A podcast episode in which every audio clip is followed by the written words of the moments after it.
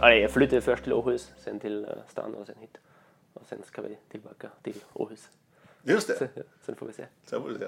Ja. Sen bodde vi ett halvt år i Österrike 2017. För att se hur det är att bo i Österrike. Okej. Men sen... Men det, det var ingenting för Melinda eller? Nej, hon ville aldrig flytta utomlands. Nej. Som orienterad men lite mer flexibel. Ja. Uh, men det var möjligheten där att vi säger såklart kan vi bo några månader i Österrike också. Men att bo, uh, verkligen flytta till ett annat land är något annat än bara stanna några ja, det är det. Det är det verkligen. Och uh, jag var mer flexibel med mitt jobb. Jag är fortfarande anställd av militärlandslaget. Ja, du är det? Ett år till nu. Ja. Den börjar idag faktiskt. Ja, just det. Sista anställningsår. Okej. Sen det sköt. Ja, det ska vi prata om också. Ja. Den här, hur det funkar liksom i de här länderna med, med, med det militära. Ja, det är... För det är väldigt annorlunda mot här i Sverige. Ja, så är det. Ja.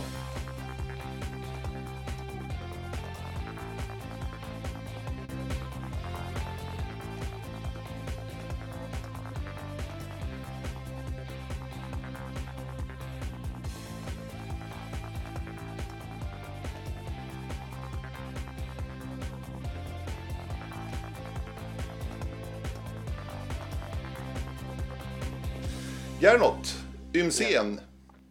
Du bytte namn där. Eller du kastade bort Cashbaumer. Är det så eller hur, hur, hur är det? Hur är det egentligen? Um, jag funderade länge. Vi gifte oss 2018. Och um, såklart, när vi blev en familj uh, ville vi gärna ha bara samma familjenamn. Många idag har ju olika familjenamn, men det tyckte vi, nej det är inget för oss, vi vill ha samma. Och uh, Kershbaum är då lite längre, eller mycket längre än Umsen och det tar sin tid att skriva sitt namn. Um, så funderade vi hur vi skulle göra om vi tar dubbelnamn, men Umsen Kershbaumer. Det ledde till att uh, inte hela namn sågs även i resultatlistan. Nej. Så vi testade även det. Um, så bestämde vi oss att vi tar bara Umsen eftersom vi också bor i Sverige. Det känns alltid lite konstigt när jag är i Österrike och uh, ska se vad heter Gernot Umsen. Huh? Hur stavas det? Var kommer du ifrån? Ja. Men uh, här i Sverige är det jättebra med Umsen och uh, nu efter två år, man bryr sig inte längre. Så det, det känns bra. Men allvarligt, men var det inte tufft ändå att slänga bort Cashbaumer? Uh, jag kallar sig fortfarande som Kershi. Ja, du gör det. I, Ja. Framförallt i Österrike såklart. Och här tilltalar man med mitt förnamn. Det brukar de inte i Österrike. Så i början är man lite ovan med det. Och när jag bytte namn sprang jag först med dubbelnamn. Så alla skulle fatta och förstå att uh, det fortfarande är samma person som springer. Och det var lite roligt vid VM 2019 i Norge. Uh, då hette jag officiellt redan Umsen. Um, men i resultatlistan på TV stod plötsligt bara Cashbaumer. Trots att uh, jag var bara anmäld med Umsen och allt möjligt. Men på något sätt kom Cashbaumer tillbaka där. Så, Var någon grafiker där i bussen som ändrade då? ja. Ah, vi känner bara till honom med Cashbaumer så vi skrev Cashbaumer. Ja, ja, ja. ja. Ja. Nej men nu känns det... Alltså, Mm. Det är inget snack om det längre. Du är välkommen till Radio O-ring Podcast. Tack! Det ska bli väldigt spännande det här. Eh, Österrikes landslagsman som jag sa. Sedan många år tillbaka. Du är verkligen en veteran. Du känner du som en veteran verkligen. Du har varit med länge, Gernot. Ja, tiden går fort när man tittar tillbaka. Ja. Så man tror jag knappt hur många år man har sprungit på elitnivå och även innan dess i landslaget. Um, uh, jag brukar säga att man är bara så gammal hur man känner sig. Eller som man känner sig och uh, jag känner mig fortfarande ganska ung. Framförallt när jag tittar på mina landslagskompisar. Det finns knappt någon annan över 30 så det är alltid skönt att träna och umgås med dem så känner jag mig också yngre. Det ska bli spännande det här. Vi ska prata om Österrike en hel del naturligtvis. Eh, hur du har anpassat dig till livet i Sverige. Varit i Sverige ganska många år. Ja, När kom du hit första gången? Jag kom hit, eller Nej, men jag du- flyttade till du flyttade, ja, ja. 2012, november Ja. 2012. Så Ja, det, är åtta år sedan, du. Åtta år sedan, ja. Åtta år sedan. Tänk. Då var jag under 30. Född 1983 är du, så får de räkna själva. Ja, Men du satsar vidare, då har du bestämt dig för. ja, det ska jag. I alla fall ett år. Nu tar jag ett år i tag och eh, vi hoppas ju det blir ett VM i Tjeckien. Så det är ett stort mål. Vi får se hur det går. Eh, tänkte också prata lite om träning med dig. Du är väldigt sällan skadad i min känsla. Du håller dig liksom frisk och kry och sådär och ändå kan mata på. Ja, i alla fall har jag lyckats att bli eh, frisk igen till de stora tävlingarna. Men det är inte så att jag aldrig var skadad. Så. Nej, men så är det väl för alla egentligen. Ja, och eh, när jag, framförallt under de första åren tyckte jag förstördes ganska mycket på grund av olika skador, även om det inte syntes utåt. Men eh, det var lite tråkigt att jag har ganska många små problem som hindrade mig att träna som jag egentligen ville. Mm. Men de senaste åren har jag gått bra, kanske blivit lite smartare. Mm. Eller träna lite mindre. Mm. Nej, det var det jag tänkte på lite. Du måste ändå ha lärt dig ganska mycket om hur du ska träna liksom, för att nå bästa effekten då. Ja, alltså elitidrott är ju alltid en liten balansgång och med på gränsen mellan vad som är bra och vad är för mycket. Uh, och jag tror att jag hittat mitt sätt. Sen gäller det också såklart att utvecklas och uh, testa nya saker och anpassa sig till uh, ny vetenskap eller nya träningsmetoder så att uh, kroppen får nya utmaningar att uh, utvecklas. Um, men det tror jag haft också flera olika tränare, man har lyssnat till många olika personer. Um, så det, mycket har ändrats under de åren också mm. såklart. Mm. Så det ska vi prata om också. Och på tal om utveckling så tänkte vi ska prata om orienteringen också. Den utveckling du varit med om. Du sprang ditt första VM 2004. Sprungit alla sedan dess. Det är oerhört imponerande. 16 raka VM. Så det ska vi prata om också. Hur det har utvecklats. Mm. Men jag tänkte vi börjar i Österrike. Vart yeah. är du ifrån? Ja, Österrike är mycket fint land. Många... Ja, fantastiskt ja. land många eh, jag möter här och uh, jag berättar att jag flyttade hit från Sverige, uh, från Österrike till Sverige och de bara, Va? Varför gjorde du det? Det är så fint i Österrike. Så ja, men här finns ju mycket fina orienteringsmöjligheter. Um, men jag kommer från östra delen av Österrike, uh, 10 mil söder om Wien, där Alperna börjar. Så i Österrike brukar man säga att jag kommer från den platta delen, men jämfört med Skåne är det uh, riktiga berg mm. kan man säga. Mm. Så min husberg är också upp till 1700 meter. Um, jag är född i Fårö, en liten by, men jag är uppväxt i en ännu mindre by med 200 invånare uppe på en liten kulle så jag fick lära mig springa uppförsbacke och nedför ganska tidigt. Um, jag gick i skolan där och började också orientering i den uh, lilla kretsen av Österrike. Hur hittade du orienteringen? Jo, som många i Österrike, i alla fall vid den tiden, eh, då fanns det alltid eh, i flera olika skolor duktiga lärare som hade anknytning till orientering. Och eh, min idrottslärare, han var ganska duktig och duktig med orientering och Gottfried Spannring heter han. Um, han var också min tysklärare. Um, och ja, han stötte stöttade mig från början. Han erbjöd regelbunden orienteringsträning i skolan varje vecka och vi, nästan halva klassen var med där mm. och flera olika klasser. Så det var en rolig grej för oss, som det skulle vara. Så man drömmer om orientering, man åker med sina klasskompisar till träningar, till uh, skoltävlingar. Mm. Um, de var oftast 30-40 stycken från bara min åldersgrupp. Och uh, sen hade vi jättebra samarbete mellan skolan och klubben.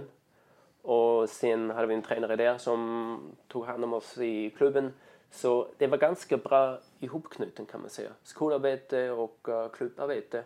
Uh, men det berodde såklart på personer som la ner massor tid.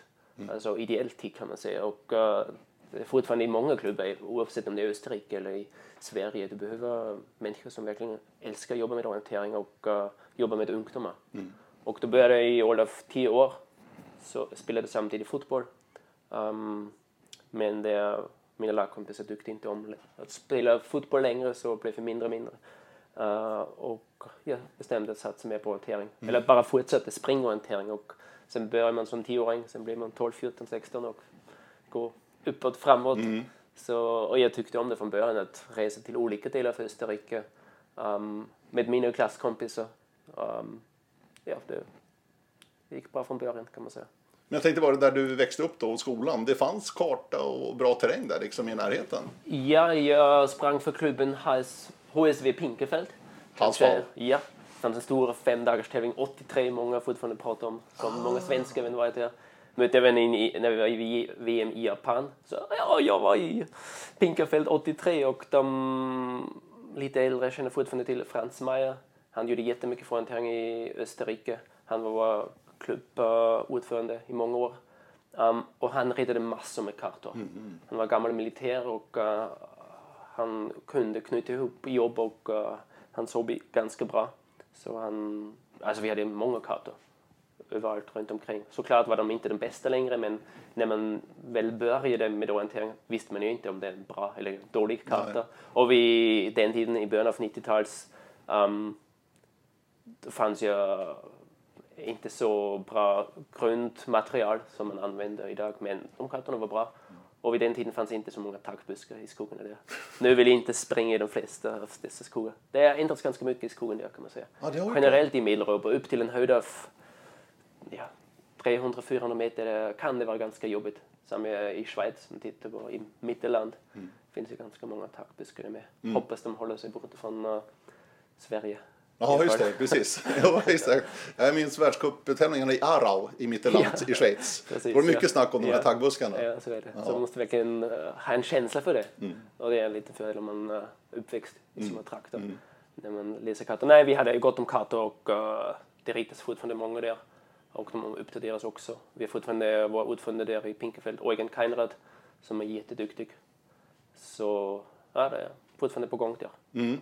Ja, på gång säger för Österrike är ju fortfarande en, en liten orienteringsnation. Ja, så är det ja. Vad beror det på? Finns det möjlighet att växa? Finns det en potential någonstans ändå? Uh, För jag menar, kartor och terräng har ni ju. Ja, vi har jättefin terräng Ja. och alltså otroligt. Och, vi, och en variation.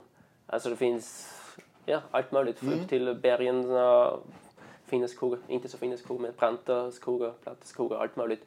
Um, det finns potential, men samma sak där. Det, fin- det är behov av personer som verkligen brinner för det. Och eftersom vi inte är så många från början så tar det sin tid att utvecklas. Och jag tror det gäller för hela konditionsidrott att det är en utmaning att uh, lyckas få barn till att utöva konditionsidrott, uthållighetsidrott. Det finns ju bred konkurrens med allt annat också, med lagidrott såklart. Um, men det finns uh, många olika initiativ, framförallt inom skolområdet. Men det skiftar. Det är lite intressant. Vi var jättemånga ungdomar i min tid i Pinkefeld. Sen fanns det två andra grupper som hade samma situation. Men det är, alla dessa ungdomar har blivit såklart som jag lite äldre och de saknar nu lite ungdomar. Men sen kommer kanske en ny familj som börjar satsa med sina egna barn och ta med andra ungdomar. Så det går lite upp och ner i olika områden i hela landet och sen finns det flera olika ställen. Ja, det kommer det, uh, var 20 år kommer en ny generation kan man säga. Så det är alltid en ny utmaning att lyckas med det. Ja, och som jag sa, det beror helt och hållet på ideella personer på grund av att det finns ingen struktur bakom det som, där man kan anställa folk över en lång tid. Det fungerar ganska bra med, med landslaget. Man lyckades skaffa fram strukturer som håller också i längden. Och det har vi sett de senaste åren, eller om man går tio år tillbaka. Mycket har förbättrats, det har blivit mycket mer professionellt. Hur man samarbetar i de olika ja, klubbar, län och själva landslaget. Så jag tycker det står på ganska bra ben just nu. Hur, hur har orientering påverkats? För att inom längdskidåkningen har ju Österrike ett väldigt mörkt förflutet, tyvärr. Och återigen så smäller det till en bomb verkligen i Seefeld då, eh, skid-VM 2019. Ett och ett halvt, ja snart två år sedan är det ju. När de inte ens kunde ställa upp med ett lag i herrstafetten faktiskt. När Max Hauke satt med en nål i armen där Ja, och det kom in och inte. in polisen. Eh, fruktansvärt egentligen. Alltså, men det är inte första gången Österrike i längdskidvärlden har drabbats av det här med dopning. Har det drabbat även andra konditionsidrott skulle du säga? Att liksom, de har smetat ut det här över hela... Nej, det vill jag inte säga. Jag, tror- jag tror det hamnade mer på generellt skidåkningsidrott um, och cykelidrott. På grund av att det fanns också några personer som var inblandade i det. Men vi inom orientering kände inte så mycket av det kan man säga. Inte, inte friidrott heller. Alltså, det stannade, det, det är verkligen det det hände. Men de hade redan haft det tufft innan. Som sen, om man tittar tillbaka, OS 26 tror jag var det i Turin. Absolut. De hade stora problem, problem där. Och Walter det, Mayer. Ja, precis. Det har aldrig blivit bra sen dess kan man säga med skidåkning i Österrike. Dopningen var huvudanledning, men även om man tittar till Tyskland, de är jätteduktiga i skidskytte, men ganska, alltså dåligt dåligt, men uh, i absolut. skidåkning är det inte på samma nivå, även utan uh, dopningsskandal kan man säga. Så i Österrike är också skidskytte mycket mer populärt nu. Trots att de har också haft lite problem 2006, men inte på samma nivå som uh, längdskidåkning. Så jag tror vi är bara för få inom själva idrotten att vi lyckas få fram ett bättre lag kan man säga. Och det finns såklart tyvärr några som dopar sig. Men vid sidan om finns det också många andra som inte dopar sig. Och ändå är vi inte tillräckligt många som inom skidå, äh, i skidåkning som uh, håller nivån kan man säga. Men hoppas det är bättre. I alla fall på damsidan finns ju en jätteduktig tjej. Therese Stadler. Ja, absolut. Ja, verkligen. Hoppas hon fortsätter på denna nivå. Men det är svårt för henne, man är bara själv. Men, men, vad kände du personligen som Österrike när det hände i Ram, äh, i Ram så att säga, men i Seefeld ja. i VM? Ja. Den här... Ja, det är såklart tråkigt att det inte igen. Han är inte led än något. Jag kan tänka mig för dem, det är så, de får erbjudande av några, du måste dopa dig, du hör det kanske igen och igen. Om du inte gör det så blir du aldrig bra, men det är bara bullshit. Så man måste ta sitt eget ansvar. Och det, det var skandal för hela landet. Men samtidigt, som jag sa, det var dåligt men kanske ingen överraskning. Ja, nu har det hänt igen. Man blir inte så förvånad längre. Framförallt när man hörde att Johannes Sture var inblandad igen. Mm. Ja. Han har verkligen inte lärt sig något. Ingenting? Alltså, om man gör det en gång, jo, du är riktigt dum och bäst att sluta kanske med din idrott. Men om du gör det samma sak igen och också drabbar andra, är inte så bra. Nej. Men ja, det, skidåkningen är kört på lång sikt. Och de får ju knappt några pengar nu längre, tror jag. Alltså, det är ganska tufft för uthållig idrott inom österrikiska, vad heter det? Sportförbundet typ? För, precis, det är mm. alpint också ingår. Ja. Så. Ja, skidförbundet då. Ja, skidförbundet, ja. Ja, just det. ja, jag förstår det. Mm. Men alpint är ju så otroligt stort i Österrike. Den alpina sidan. Yes, är det? Ja, nej, men det är ju nationalidrotten yes, i Österrike. Det. Alltså, det är roligt, det är spännande. Jag är uppväxt, man tittar på tävlingar varje helg. När jag växte, vi åkte skidor också varannan helg kanske. Och uh, jag lärde mig åka skidor bara framför husdörren. Det hade inte fungerat nu längre eftersom det finns knappt någon snö. Inte där heller? Nej. Um, det är ganska sällan. Det märks faktiskt. där också tydligt? Ja, det märks riktigt tydligt. Mm. Det är tråkigt. Men alltså, det finns fortfarande några skidområden man kan besöka på grund av konstsnö. Men uh, jämfört med för 30 år sedan, mm. när man kom hem från skolan bara kunde slänga sig ut och ta på skidor och åka nedför. Men jag kände knappt till längdskidåkning faktiskt. Som tioåring. Aha. Jag kanske aldrig tittat på längdskidåkning. Nej. Sen när jag började träna lite mer konditionsidrott och tränaren snackade om uh, skidåkning. Ja, finns mm. det något mer? Mm. så det var ganska intressant. Men uh, som du sa, alpint är riktigt stort i Österrike fortfarande. Ja. Och uh, vi hade behov av några riktigt stora stjärnor som uh, Hermann Mayer eller Marcel Hirscher. Um, vi såg nu vad som hände efter Hirscher slutade. Men det är samma sak, det är tufft. I spel, oavsett hur många nationer som håller på med den idrott. Du måste vara riktigt bra för att vara på toppen. Mm. Och just nu saknar vi en Marcel Hirscher såklart. Ja, men det var ju så häftigt när han skulle annonsera att han skulle sluta. Så var, alltså vad jag hörde yeah. så flyttade ORF, då, österrikiska TVn, alltså Österrikes SVT, kan man säga, flyttade någon partiledardebatt för att Marcel skulle få tid i TV. Alltså det var direkt sänt, hans annonsering att yeah. nu slutar jag. Yeah. Alltså, han, var, han är och var otroligt stor i Österrike. Ja, alltså han var, var fortfarande är. Var, ja, fortfarande är. Stjärna, såklart ja. Så alla snackar fortfarande om honom kan man säga. Man jämför även uh, alltså de åkare som åker idag med, med honom.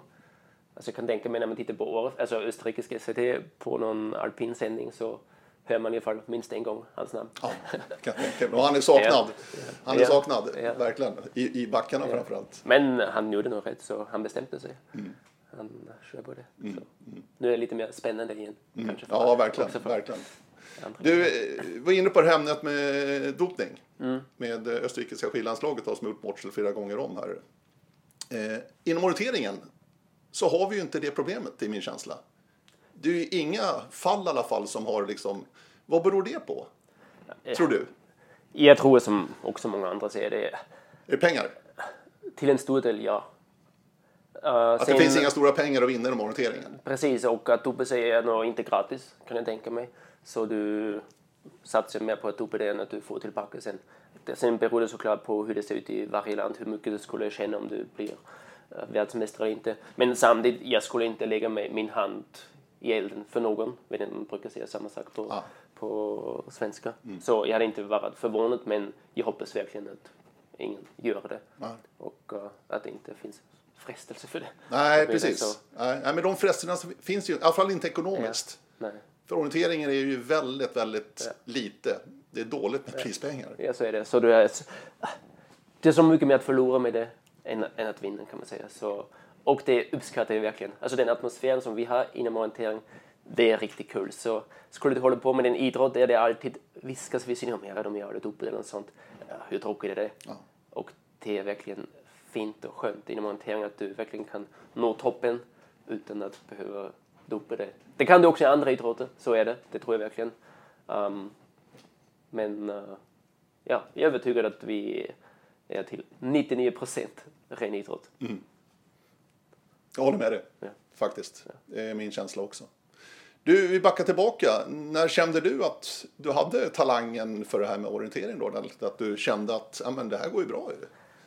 Um, talang och talang. Alltså, är du en träningsprodukt alltså? Nej, både och. Alltså man behöver en viss talang tror jag. Absolut. Såklart. Och sen eh, det som avgör i slutändan om du också vill träna eller inte.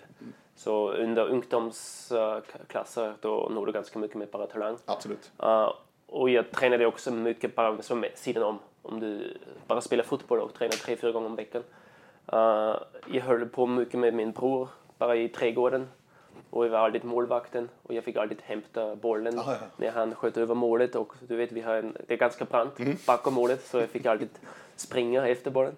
Um, så jag spelade ganska mycket fotboll, fick en hyfsad grundträning där lite grann och uh, även sen i skolan när man har två orienteringsträningar per vecka. Um, sen tyckte jag aldrig om att vinna såklart, som ja. många ungdomar. Och, uh, jag tyckte om att, eller, att jämföra mig med andra, att tävla. Det tyckte jag aldrig om faktiskt, oavsett om det var fotbollslek eller ett vanligt lek hemma med mina två bröder. Um, så var det såklart kul att vinna. Tyckte inte om att förlora. Men det gör nog ingen mot sina bröder, kan jag tänka mig. Um, ja, sen började jag tävla i skolan, i klubben. Och jag lyckades ganska bra från mm. början. Och sen har jag bara fortsatt tävla i H12-kategori, 14-klassen, 16-klassen. Och i Österrike, jag var ju ändå hyfsat många när vi sprang Austria Cup, hette den nu för tiden. Mm. var vi kanske 30 stycken i de olika åldersklassen. Men samma sak där idag, det var ganska många barn upp till kanske 16. Sen blir det färre och färre. Sen är det bara några som fortsätter i elitklassen. Sen mm. återvänder de kanske i 35-40-klassen med sina barn Exakt. lite senare. Ja, ja. Um, ja, och jag tyckte om det. Sen kom jag i ungdomslag med 14-15. Först i län, Steiermark och Burgenland. Efter det blev det ungdomslandslag landslag och sen juniorlandslag. Så jag kom från det ena till det andra ja. utan att behöva fundera så mycket eller ja, bara fortsatte att träna och tävla. Mm. Och såklart blev träningen mer och mer. Jag hade duktiga tränare inom klubben som hjälpte till oss. Och mina kompisar fortsatte också. Vi är ett ganska bra gäng från Pinkefeld med fem, sex stycken som verkligen umgick, umgicks jättemycket. Vi reste utomlands redan med ja, 14 och gjorde massor tillsammans. Fantastiskt. Men då i den åldern där som ungdom, hur ofta var det tävlingar som erbjöds? Um, är det som i Sverige, du kan springa varje helg i princip? Nej, inte så många faktiskt. Uh, men i alla fall tillräckligt många. Ja. När jag gick i skolan var det fortfarande undervisning måndag till lördag faktiskt. Oj. Så, men det ledde också till det att jag var knappt i skolan på någon lördag. Nej. Så det var ganska roligt. men då hade vi också oftast bara tävlingar på söndag, knappt på någon lördag. Och så var det kanske 9-10 Austria Cup. Sen kom det någon stafett-UM till och lag-UM natt. Sen hade vi också några regionala tävlingar som motsvarar Skåne-tävlingar. Med skoltävlingar. Jag sprang säkert 25-30 tävlingar bara inom Österrike och sen kanske några utomlands under sommaren. Mm. Ja, Ungern är inte så långt bort. Nej, precis. Det är bara fyra, närmare till Ungern än till Wien eller Graz. Så det är fyra, fem mil, även om vägen är lite sämre, så det tog ändå en timme. Men uh, vi hade alltid uh, jämförelsetävlingar med grannlänen i Ungern. Där, dit åkte jag också en, två gånger om året. Mm. Sen sprang jag en första femdagars tävling, tror jag också i Ungern. Det var nog i Page, tror jag. 1997 kanske. Mm, mm. För några år sedan. Ja. Som jag sa inledningsvis, du har sprungit alla VM sedan 2004, men du sprang några junior-VM också va? Det gjorde jag också. Alltså, till, då kommer vi tillbaka till Ungern. Mm. Uh, mina ungdom, junior och ganska mycket hände då i Ungern. Det var en intressant upplevelse med 15. Det finns ju den EOK, ungdoms-EM. Vid den tiden var nog knappt någon skandinavisk land med det. Nej, jag tror inte det. Då sprang jag 1990, vad har vi, 8, precis, så var jag 15-åring. Det var första året i EOK. Och den gick i Ungern, typ på andra sidan gränsen, alltså timme hemifrån. Och eh, jag vann ganska mycket i Österrike. Vi var en av de tre som ingick i ungdomslaget där. Och sen kom jag dit, ja, den eh, yngre unga och då tror jag, jag ska vi också vinna och åka hem framgångsrik. Men så gick det inte alls. Vi tre, vi kom på sist, näst sist och femte sist plats tror jag. Så det var som oh, vakna upplevelse. Ja, ja, ja. Sån aha-upplevelse. Ja. Så då började jag faktiskt träna. Ah, Så det var nå- en schweizare med 48 minuter och jag sprang 67. Och jag tänkte, Va, vad hände här? Hur är det möjligt? Kan jag inte tappa bara 20 minuter och bomma kanske fem? Och sånt. Så då började jag träna och året efter kom jag den på sjätte plats. ah. Så var, och då var det faktiskt, tror jag Daniel Hubman, han var antingen tre eller åttonde, vi var ganska lik då. När jag tittade på en gammal resultatlista så är hans namn igen. Så då har jag lärt mig ganska mycket och då kände man skillnaden om man börjar träna eller inte. Upp till en viss ålder räcker det med talang men någon gång måste du bestämma dig hur du vill och ska fortsätta. Och min första junior-VM sprang jag också Ungern 2001. Det var också min bästa. Då var jag 17 och kom, kom 13 tror jag på långdistans. Det var nog Andrei Kramov vann långdistansen. Det var, gick i Miskolc. Jag är mycket påminner också om Miskolc. Där sprang jag junior-VM, Och VM sen? VM och uh, gick student-VM där. Nej, inte student-VM. Något till var det nog. Jo, men det var den. Nej, i Kosice sprang jag student-VM. De hade även uh, student-VM där Ja, lite senare, men exakt. det var lite efteråt. Ja. Ja, för VM 2009 gick ju där också. Ja, precis, ja. I Miskolc. Ja. Ja. Tog du hjälp då? Jag tänkte, nu ska jag börja träna. Mm. Körde du enligt eget huvud då eller ha- hade du någon bollplank i Österrike? Ja, någon, någon tränare liksom som kunde hjälpa dig? Ja, jag hade bollblank fortfarande i skolan. Min lärare, Gottfried Spandring. Ja. Uh, och vi hade klubbträning och skolträning nästan varje dag. Så jag behövde inte ens fundera så mycket. Uh, så det... Alltså sj- själva schemat var upplagt. Jag kom hem varje dag från skolan vid tvåtiden. Så hade jag tid för en eller även två träningar ibland. Och sen åkte vi skidor under helgen. Då hade jag redan börjat åka skidor under vintern. Um, och sen under våren, sommaren fanns ja, alla tävlingar varje helg kan man säga. Så det, gick, det var ganska upplagt schema för mig som passade mig jättebra.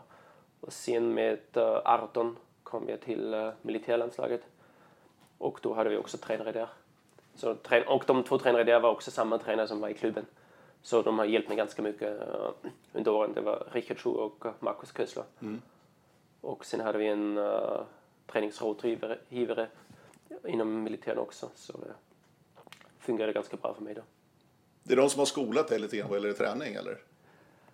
Hur menar du? Alltså, de, det, du har tagit med dig mycket av det du lärde dig redan då så att säga i din fortsatta karriär också? ja, Vad gäller det, träningsupplägg och hur? Ja, precis. Det- De hade sitt eget system eh, och eh, ja, det fungerar som sagt det fungerar ganska bra för mig. Sen var det också dags för mig någon gång att ändra på själva träningsupplägget. Men det, så länge jag var inom militären, också i Österrike, de första åren bodde jag verkligen där med de, de andra militäridrottare.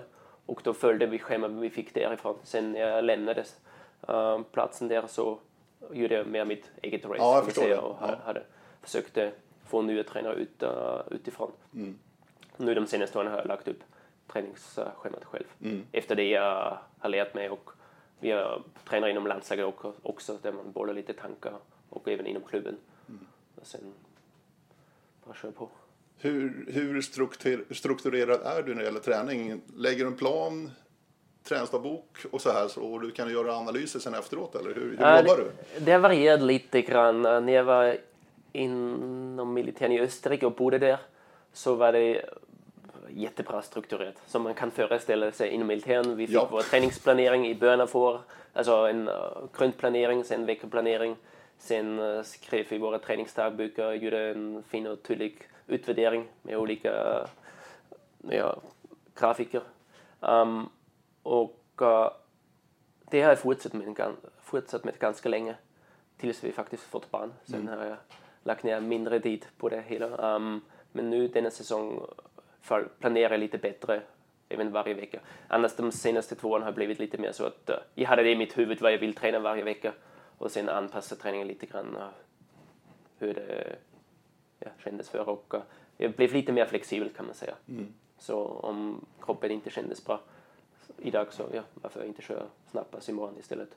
Och byta lite med träningarna. Och träningsdagbok nu ligger så mycket på Strava eller Garmin Connect. Så man får en jättebra utvärdering där. Mm. Och jag kände, jag får inte ut så mycket själv längre om jag skulle skriva ner allt exakt. Då vet jag efteråt, ja, jag tränar så många timmar, ja, nice, men det kommer ändå inte påverka min framtida träning. Så jag vet hur jag vill träna, därför behöver jag inte lägga ner så mycket tid att nu analysera hur, hur det har gått just nu. Men jag tycker det är ganska viktigt i början, de första åren, så du verkligen kan kolla upp varför har det gått, hur det har gått. Om du tittar på din uh, säsong efteråt, kanske var i bra form här eller där, så det har verkligen en, en mening varför man skulle göra det. Och samma sak för mig var att uh, i början sprang vi alltid med uh, hjärtfrekvensen, eller vi måtte hjärtfrekvensen för att kunna följa upp träningen, framförallt när du har träningen på plats. Att tränare är på plats, de som vill veta hur träningen har genomförts, det är ganska bra att kolla upp det. Vi gjorde också massor med laktattester mm. inom militären. Det var också bra att få feedback direkt var man egentligen ligger och så bygger man upp en känsla för sin kropp. Man vet hur uh, hjärtfrekvensen påverkas, var det ligger och nu springer jag alltid utom pulsbälte. Även om den också på grund av att den inte fungerar längre. Okay. Så, men inte på grund av teknologin men mer på grund av mitt hjärta. Den slår lite oregelbundet ibland. Mm. Men det är också kollat upp många gånger. Men, det är inget du är orolig över? Nej, precis. Nej, okay. nej. Men jag tänkte, eh, du är ändå 37 år nu Gernot. Mm. Hur, hur har träningen förändrats fram till nu? Så att säga? Du blir ju äldre också. Känner du av det på något sätt? Märker du på något sätt att du kan inte göra samma sak för tio år sedan? Ja, det, man, eh, man måste värma upp lite mer innan. Ja. Alltså, som 20 år man ställer sig framför dörren och spurtar iväg ja. utan skaderisk, vill jag påstå. Ja. Men eh, det skulle jag inte göra idag. Nej. Så, men annars faktiskt känns det ganska bra i kroppen. Mm. Som jag berättade innan, jag hade ganska många småskador. Och det känns som jag inte fått på en uh, längre tid. Knock on wood. Knock on wood, precis. Um, det är det ena. Sen kan inte påstå att man blir lite stelare. Eller, mm.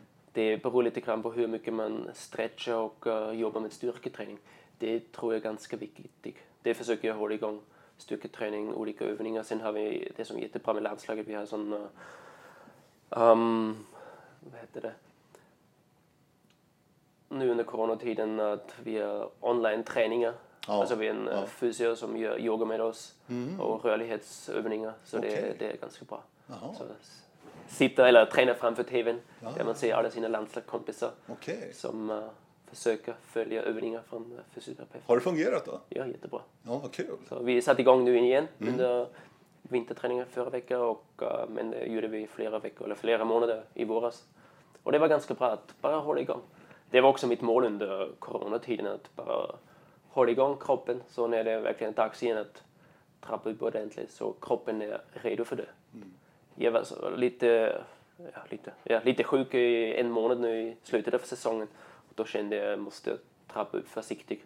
Inte börja med två loopar om dagen igen. Så att inte få någon överlastningsskada. Det har blivit lite mer försiktigt tror jag. Att man vet att ska inte köra för mycket direkt. På grund av inte den, just den ena träningen som uh, kommer att förstöra det. Klarar också av att springa nu två timmar idag utan problem. Men om du gör det varje dag nu så efter två veckor är det kanske mm. kört. Så jag försöker också träna mycket alternativt med på cykel framförallt. Cykel framförallt? Ja. ja. Inomhuscykel. Inomhuscykel, ja. ja. ja. Just det. Nu köpte jag en löpband för några veckor sedan så jag kan träna uppförsbacke även ah. här hemma eftersom det inte är så bra att gå till gymmet längre. Nej. Annars brukar jag göra det där. Mm. Jag kan springa backintervaller här även i Skåne men uh, springa en timme uppför det är svårt att mm. här. Du var inne på det här med eh, pandemin det här året mm. 2020. Det har inte blivit några tävlingar i princip. SM-tävlingarna gick då långdistansmedel och eh, sprintdistanserna i Sverige ja. som du sprang. Ja. Hur har det varit? Har det varit jobbigt? Alltså ja. det är ju lika för alla, men hur, hur har du tagit det? Jag tror jag hade haft det lite jobbigare om jag hade varit lite yngre. Jag tycker framförallt synd om de som är 19-20 missar sin sista junior, junior-VM och sånt. Men för mig var det inte alls jobbigt. Alltså, jag brydde mig inte så mycket om det måste jag verkligen säga och tyckte såklart det är jättetråkigt att inte kunna tävla och utomlands träna tävla. Och sen blev vi också klart, klart att vi kunde springa SM och även ÖM. Vi missade lite ÖM eftersom jag blev sjuk då. Mm. Men uh, under själva pandemin, ja, jag tog det som det kom kan mm. man säga. Mm. Så har man småbarn hemma så får man inte långtråkigt. Så jag tog det positiva. Jag hade mycket mer tid att uh, leka med dottern hemma. Mm. Men har, har du ändrat ditt livsmönster någonting med tanke på pandemin? Att du är mer hemma så att säga och känner, alltså, Ja. du vill vara säker på Ja. att du inte blir smittad liksom? Alltså jag blev inte rädd för det. Alltså man hörde många olika historier. Ja. Alltså historier. Man måste ta det på allvar. Det tycker jag verkligen. Uh, och det är tyvärr också för många som tar inte på allvar. Men samtidigt kan man inte uh, ge, ge upp allt. Isolera sig helt? Nej, Isolera sig nej, helt. nej. Vara försiktig och använda en sunt förnuft. Mm. Um, jag behöver inte åka till... Ja, jag har inte gjort det innan att jag skulle besöka massa diskotek eller sånt. Pub Det hade du inte gjort ändå? Nej, precis. Så på det sättet har det inte ändrat så mycket. Det som har ändrats är att jag inte reste så mycket kan man säga. nej. Orientering kan du hålla på med utomhus. Så, ja, gick inte till gymmet längre. Det var den stora skillnaden och uh, inte reste till tävlingar. Förra året var det så att uh, familjen reste med till allt möjligt. Det var jättekul. Eftersom uh, min fru Melinda också var hemma, mammaledig. Och det var hon fram till augusti. Så då, tanken var att vi skulle resa tillsammans ganska mycket. Men uh, resan till uh, träningsläger Spanien i februari var nog den, sista än så länge. Uh, sen dess har vi varit i Sverige. Ja. Och uh, ja, vi får se vad det blir Mm. nästa Men, men vi, vi, vi kan ändå se en tydlig skillnad i strategierna här mellan Sverige och Österrike. Ja. Vad det gäller hantering av den här pandemin. För Österrike har ju varit, det är ju ren lockdown där nere. Ja. Vad innebär det liksom? Vad, vad hör du från dina vänner i Österrike? Vad, är man väldigt, alltså en lockdown innebär, det är liksom, du får inte göra någonting i princip. Nej, de har utegångsförbud kan man säga. Ja. Uh, som klart finns det undantag. Du får gå till ditt jobb, du får gå ut och träna. Du får uh, sagt, jobba såklart, gå till skolan. Om du inte får... Uh, om dina föräldrar kan inte passa dig hemma fotbollen går till, eller lämnas där kan man säga. Och det har pågått nu i två och en halv veckor så den slutar nu till söndag. Um, mina, min familj hemma i Österrike har inte drabbats så hårt kan man säga. De har ett bra jobb som de kan ja, verkställa hemifrån och uh, min ena bror han är även lärare så han jobbar ibland hemifrån, ibland här i skolan. Um, såklart, de som drabbas mest av det, de har det ganska hårt. Alltså de bor i stora städer, har kanske en liten lägenhet. Det är inte alls roligt Nej. om du inte kan få lämna det. Det är ganska tråkigt. Eller om du uh, tappar ditt jobb under pandemin och vet inte var du ska få pengarna ifrån. Så då är jag ganska lyckligt lottad kan man säga. Så uh, jag hoppas verkligen att här i Sverige att vi inte får det lika tufft. Vi får se åt vilket håll det kommer att gå. Uh, det är lite tråkigt under hela pandemin att olika länder har jämfört sig så mycket med andra, pekat på andra länder. Ah, vi har det så bra här. Österrike så först, ah, vi har det bra. Så i Österrike hänvisade ofta till Sverige. Titta på Sverige. Ni vill inte ha det som i Sverige. Det är så många som dör i Sverige just nu. Därför måste vi stänga ner landet. Nu är det lite tvärtom. Det är många som dör i Österrike tyvärr. Uh, så nu är det ingen som pratar längre om Sverige. Um, så man skulle kanske samarbeta lite bättre. Men det har i alla fall min känsla förbättrats lite grann att resande mellan länderna har blivit, inom EU blivit lite enklare än det var under våren. Så nu hoppas vi på en vaccin som ska rädda oss att leda Ja. oss tillbaka men uh, det tar nog flera månader till tills uh, ja, Ja, absolut. Det kommer ju hjälpa naturligtvis. Men vi kommer nog få leva med restriktioner ett tag framöver. Ja. Så att, eh, jag håller ju alla mina tummar och cross my fingers för att VM kan verkligen genomföras Ja. i julen nästa år Ja. i Tjeckien. Ja.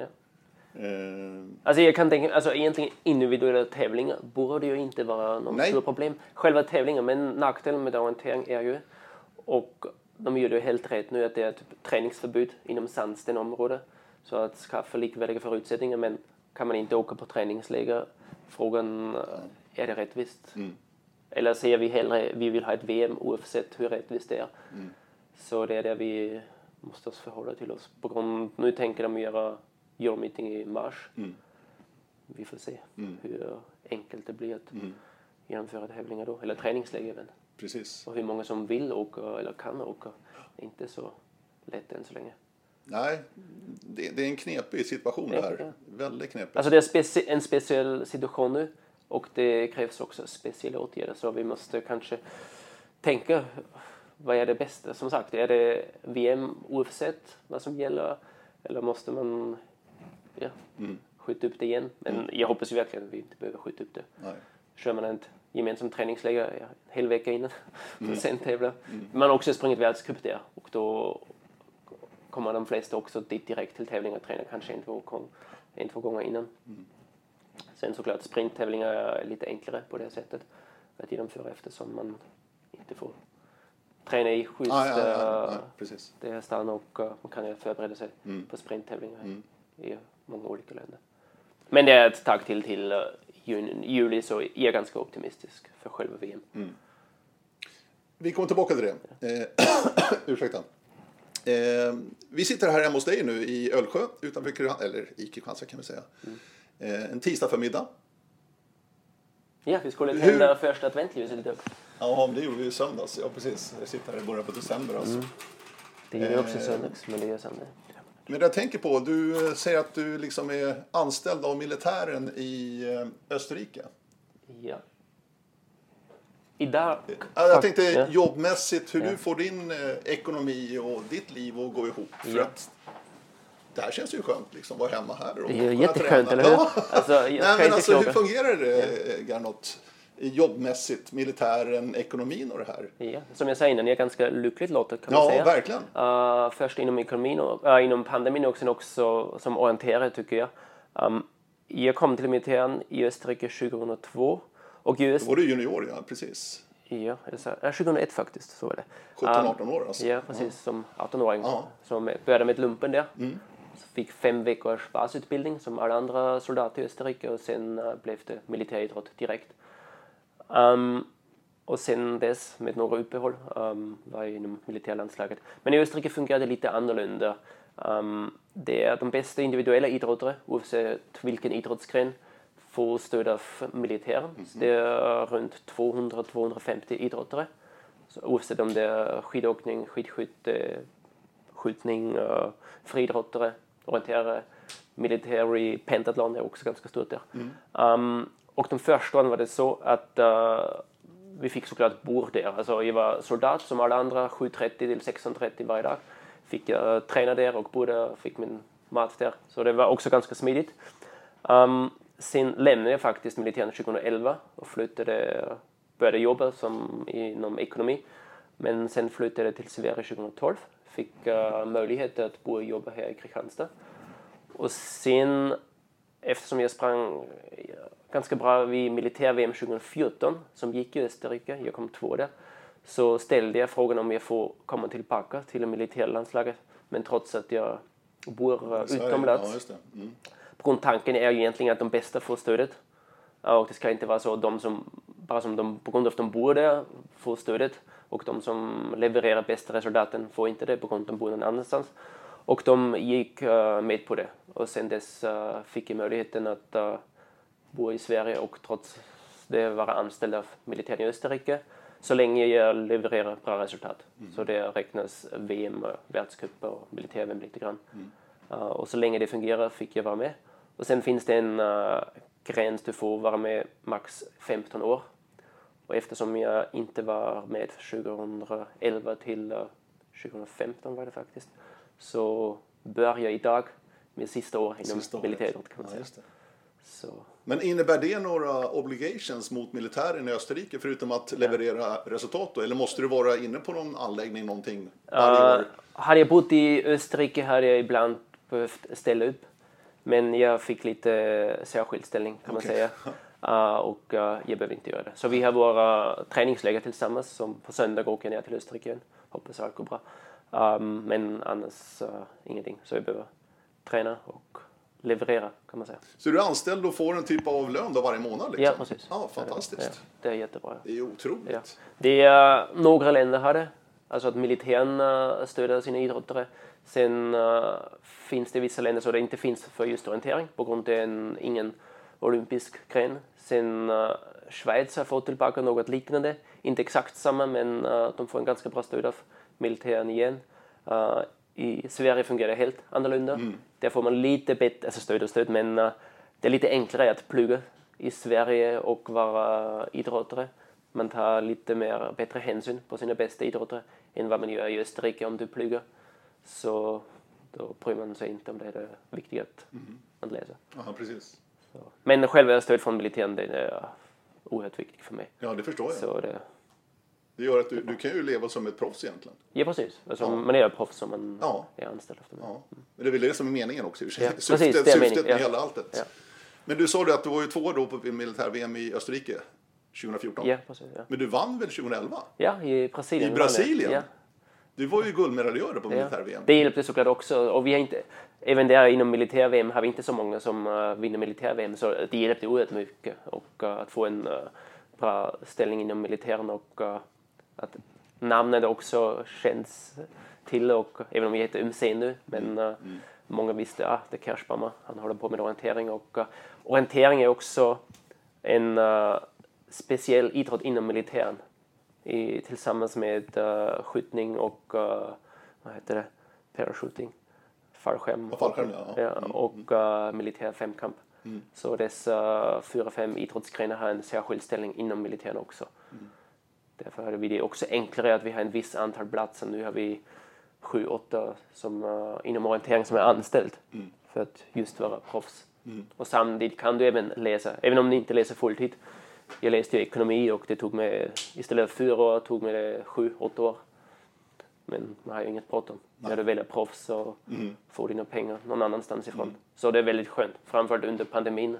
Om du inte behöver vara orolig hur du kommer överleva eller kunna finansiera din karriär. Men är du orolig för vad som händer efter den här anställningen går ut hos militären? Nej, Din karriär är slut. vad ska du göra då? Vi byter ämne. ja, nej, men det där är ju det problem för många. Det där. ja, så är det. Du För, måste, att, jag menar, för er på elitnivå inom orienteringen så måste man lägga ner oerhört mycket tid. Man, har, man kan ju inte jobba fulltid, det finns ju inte en Ja, chans. Vad man ska göra efter karriären. Ja. Alltså det finns olika situationer. Några klarar även av att uh, jobba 100% men om du tittar på de bästa. Vill du vara på toppen så... Det går inte. Undantag finns såklart men det går inte. I längden går det inte. Nej, nej. Du kan satsa kanske på någon enskild tävling men, uh, som går i dina hemmatrakter kanske. Men orientering är... Du måste resa så pass mycket och lägga ner så mycket tid. Så Verkligen. kanske jobba 100% under hösten Mm. och sen uh, vid årsskifte verkligen uh, satsa på det andra. Um, jag läste ekonomi. Jag har faktiskt nu i, i våras avslutat mitt tredje masterprogram. Mm. Så det är en möjlighet att försöka få jobb där. Kanske en företag som har anknytning mellan ja, tyska marknaden inom exportekonomin. Eller göra något helt annat. Göra någon utbildning inom um, läraryrke. Det är jag också tyckt om faktiskt. Ja. Min fru jobbar ju som lärare. Så, så länge hon jobbar på 100 procent kan jag fortsätta som proffs. Nej, tanken är att i alla fall jobba deltid efteråt och inte bestämt helt. Nej. Eller stanna inom orientering. Men vi stannar upp där med militär-VM. Mm. Kina, Wuhan. Du sprang ju där. Jag sprang där. Men det vart ju en riktig katastrof faktiskt. Katastrof. För orientering som sport. Ja. Och de försöken till fusk, eller försöken, de, de fuskar ju Ja. bevisligen. Ja. Vad säger du nu med, i backspegeln? Det är ett år sedan. Lite Ja, det drygt ett år sedan. sedan faktiskt. Alltså det är, det är lite roligt är att även pandemin började i Wuhan så man pratar mycket om Wuhan. Um, alltså jag har faktiskt inte tänkt så mycket längre på själva efter- sen Nej, men alltså, börjat. Men vad- Blir man ledsen liksom att här kommer några som inte fattar vad det här handlar om och, Jo, och ska just- fuska sig fram liksom? just då faktiskt, det var en katastrof. Alltså för hela orienteringsutvecklingen. Vi hade stora förhoppningar att kunna även arrangera en sprint-VM till exempel i Kina. Det fanns ju alltid en jättebra stöd av tävlingar och det Jaroslav Kaczmarczyk har börjat med och Parkvaldur. Det fanns jättebra tävlingar i Kina och det var det stora hoppet att man lyckas med denna sprint-VM att nå nya marknaden och uh, kunna spridas mer på hela jorden och kanske komma in uh, till OS någon gång. Um, men det förstördes ju rejält kan man säga. Så jag ser i den nära framtiden inget hopp att kunna arrangera något i Kina. Alltså på ett, denna nivån faktiskt. Det är eh, riktigt tråkigt. Och själva, hela resan där har ju ändrat lite grann syn på idrott i Kina kan man säga. Och det måste man verkligen säga. Alltså man tittar, alltså inte bara inom orientering. Man hörde och såg ju mycket vad som pågick i alla andra idrottsgrenar också. Och bara att man, man kunde ju inte följa dessa tävlingar utomlands. Alltså bara i Kina. De visade ju allt live där. Det var uppbyggt som riktig OS. Mm. Alltså verkligen. Dygnet fanns det militär-VM på TV. När du satte på TV i, alltså i uh, som man säger, VM-byn så fanns det bara militär-VM Mm. på TV som uh, VM-studio och allt det här och öppningsceremonin. Skojar du? Alltså jag har aldrig varit med något liknande. Alltså som OS kan man säga. Men det sågs ju bara i Kina och det var en enda propaganda-VM. Och de gjorde allt för att lyckas i alla grenar. Men så, man kunde framställa det i de andra grenarna att ja, de har tränat mycket och de är duktiga. Alltså, inget snack om det. De har duktiga idrottare överallt och de gjorde också allt att de vinner, hade bra förberedelser och allt möjligt. Och de har verkligen sina bästa idrottare inom uh, militären. Men vi vet i orientering fungerar det inte så här. Du kan inte bli från ett år till nästa världsmästare direkt. Kanske en person kan även uh, göra det, men inte hela laget. Nej. Så, och det ändrade ja, min blick på allt kan man säga. Mm. Man visste lite grann, okej, okay, Kina med rättigheter och uh, friheter och allt det här. Men hur det har gått till, man hade ju bara behövt publicera alla dessa uh, direktsändningar till hela världen. kunde man göra. Alltså jag tänkte, vad håller de på med? Varför låser de in allt? De eh, gör ju allt möjligt, investerar massor pengar för att göra de bästa tv-produktionerna. Det var riktigt kanonbra. Men man kunde inte följa det på livestream uh, vad som helst. Och vi vet ju varför. Då hade ju alla sett direkt med sina egna ögon. Vad gör de där? Det, den bästa videon fanns från, uh, det var Gong tror jag. Kanske hade sett det. Ja, ja, jag har sett en annan grej som jag ska ta också i simning faktiskt. Ja. Ja, med en gång, Ja, absolut. Gong var ju det värsta. Han fick ju rött kort 10 meter framför mållinjen så kinesen kunde gå om honom. Uh, nej, det är riktigt tråkigt. Så jag vet inte hur man ska förhålla sig till det. De ska ju såklart få en chans till i framtiden. Men hur och när? Och uh, man vet ju, det sitter säkert jätteduktiga hackare i Kina någonstans om de vill få fram en karta på något sätt. Den finns ju någonstans på någon dator. Och man måste ju också dela den med sig nu för tiden om man snackar tv-produktion eller allt det här. Så, och då är man också lite tillbaka till dopningen inom orientering. Innan du dopar dig kan du vinna mycket mer om du skaffar fram kartan. Det är mycket bättre. Du kan ju inte dig att du kan bli en jätteduktig kartläsare. Nej. Men du vinner mycket mer om du skulle se sprintbanan innan. Du besöker sprintstan innan. Nej, då vinner du mycket mer. Ja, jag var ju i det- Kina precis efter militär, i och med att världscupfinalerna gick Ja. där. Jag var ju speaker där borta. En medeldistans, en sprintstafett och en sprint. Eh, och då på hotellrummet så såg jag också från militär-VM då, för att visa Alltså, Ja, ja. Och då var det ju en, en, eh, ett simlopp, det var 100 meter fritt. Ja. Eh, kinesen hade ju lämnat pallen innan de andra fick startskottet. Men han blåste, Ja. de blåste inte tillbaka Nej, honom. Mm. Så han simmade hem det där. Ja. Och alla var jätteglada. Ja. Men det var ju så otroligt tydligt. Mm. Alltså det hände också i militär femkamp och våra lagkamrater, det är ett skämt. Ja, det är ett skämt. Ja, det, var ett skämt där och de uh, lämnade protest men inget hände. Nej. Och sen vågade de inte helt göra det. Man vet ju i Kina, man var lite rädd, man blir inlåst i Kina och kommer inte hem längre kanske. Man vet inte. Och så jag tyckte de var ganska modiga inom orientering. Att de verkligen vågade ställa upp mot arrangörslandet. Så Ja, för det gjorde de verkligen. Det gjorde de verkligen. Och det var inte självklart. Nej, för juryn ville ju inte blåsa av tävlingen. Nej. Eller cancellera den. Nej, inte Men det alls. var ju internationella orienteringsförbundet Ja. verkligen som tryckte på. Så det, ja, de var... Men sen hade vi ju då världscuptävlingen Ja. också. Eh, där framförallt sprinten har ju utretts enormt mycket. Där Ja. var kinesisk seger på damsidan och en kille var ju trea på herrsidan. ja.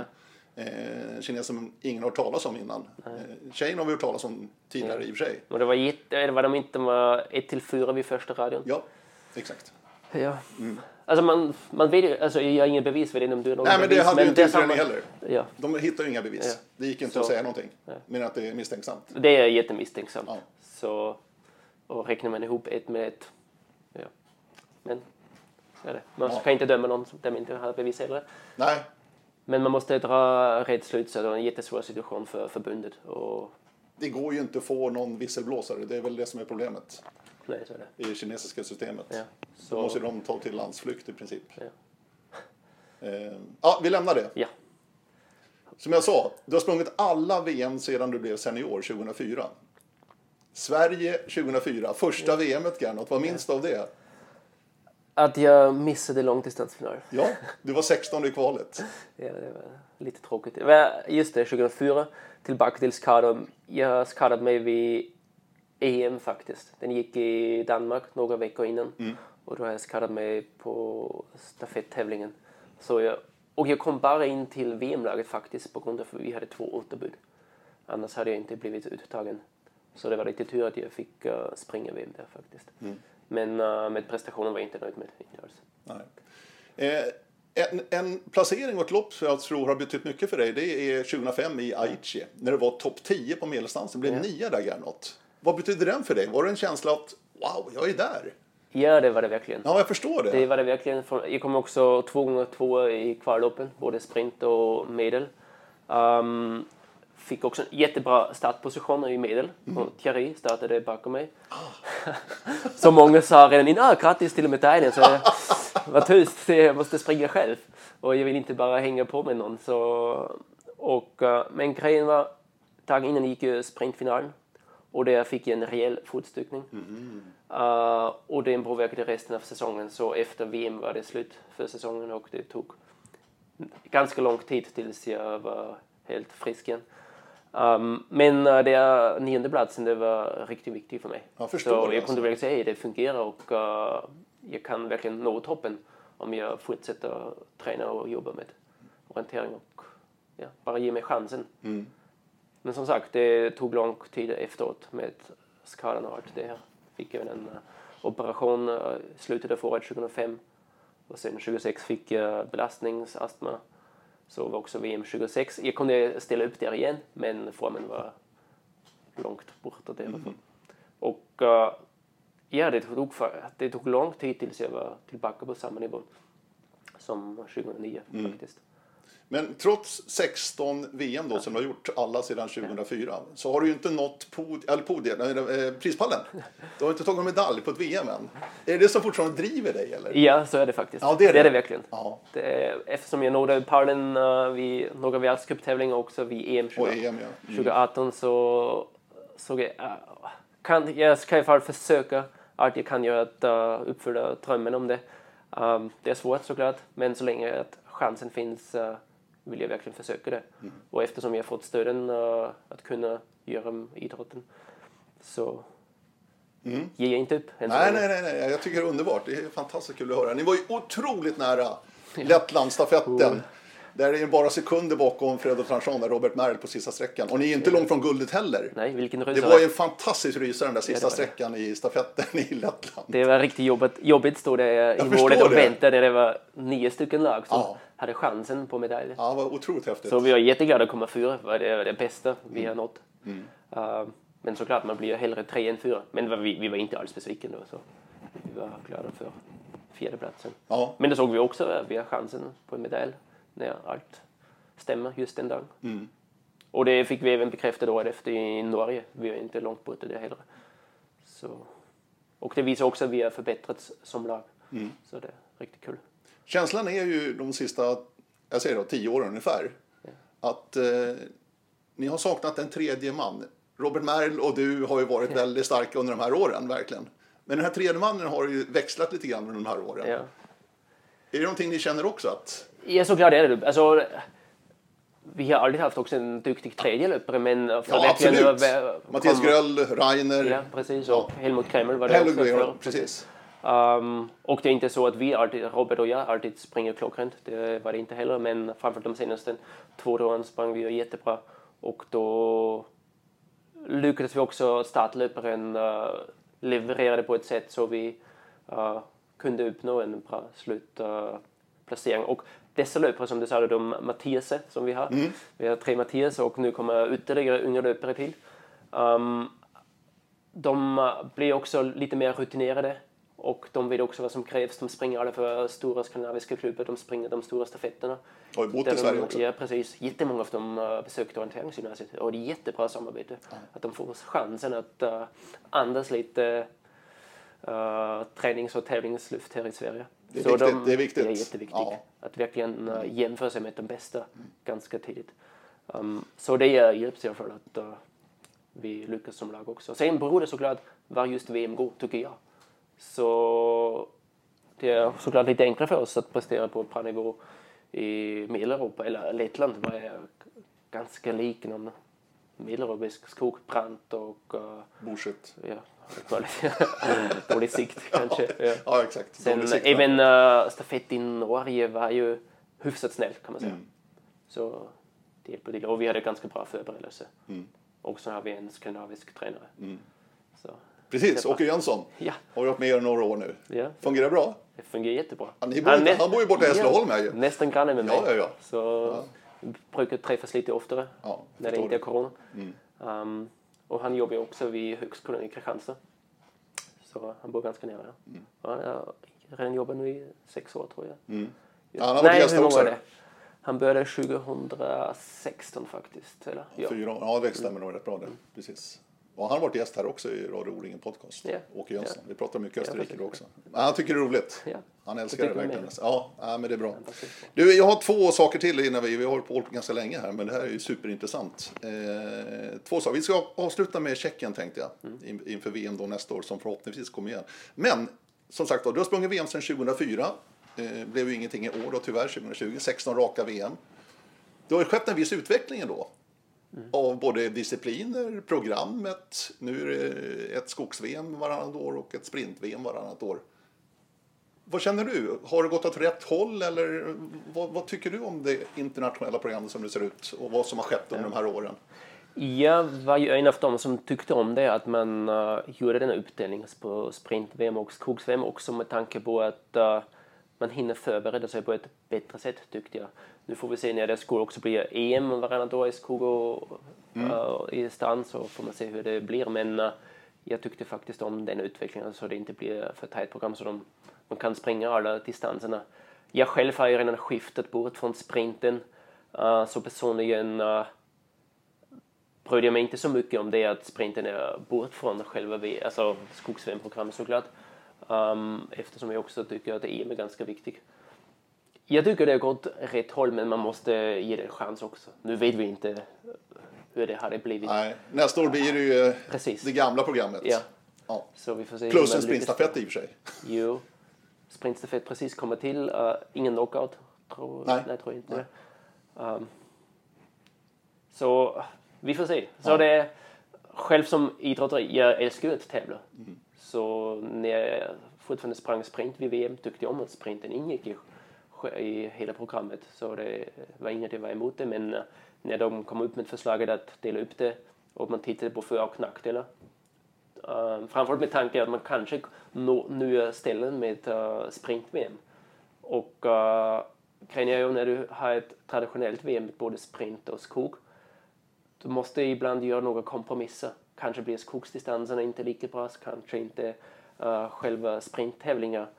Och det tyckte jag det är bra faktiskt att man uh, verkligen kan fokusera på rätt terräng för rätt VM.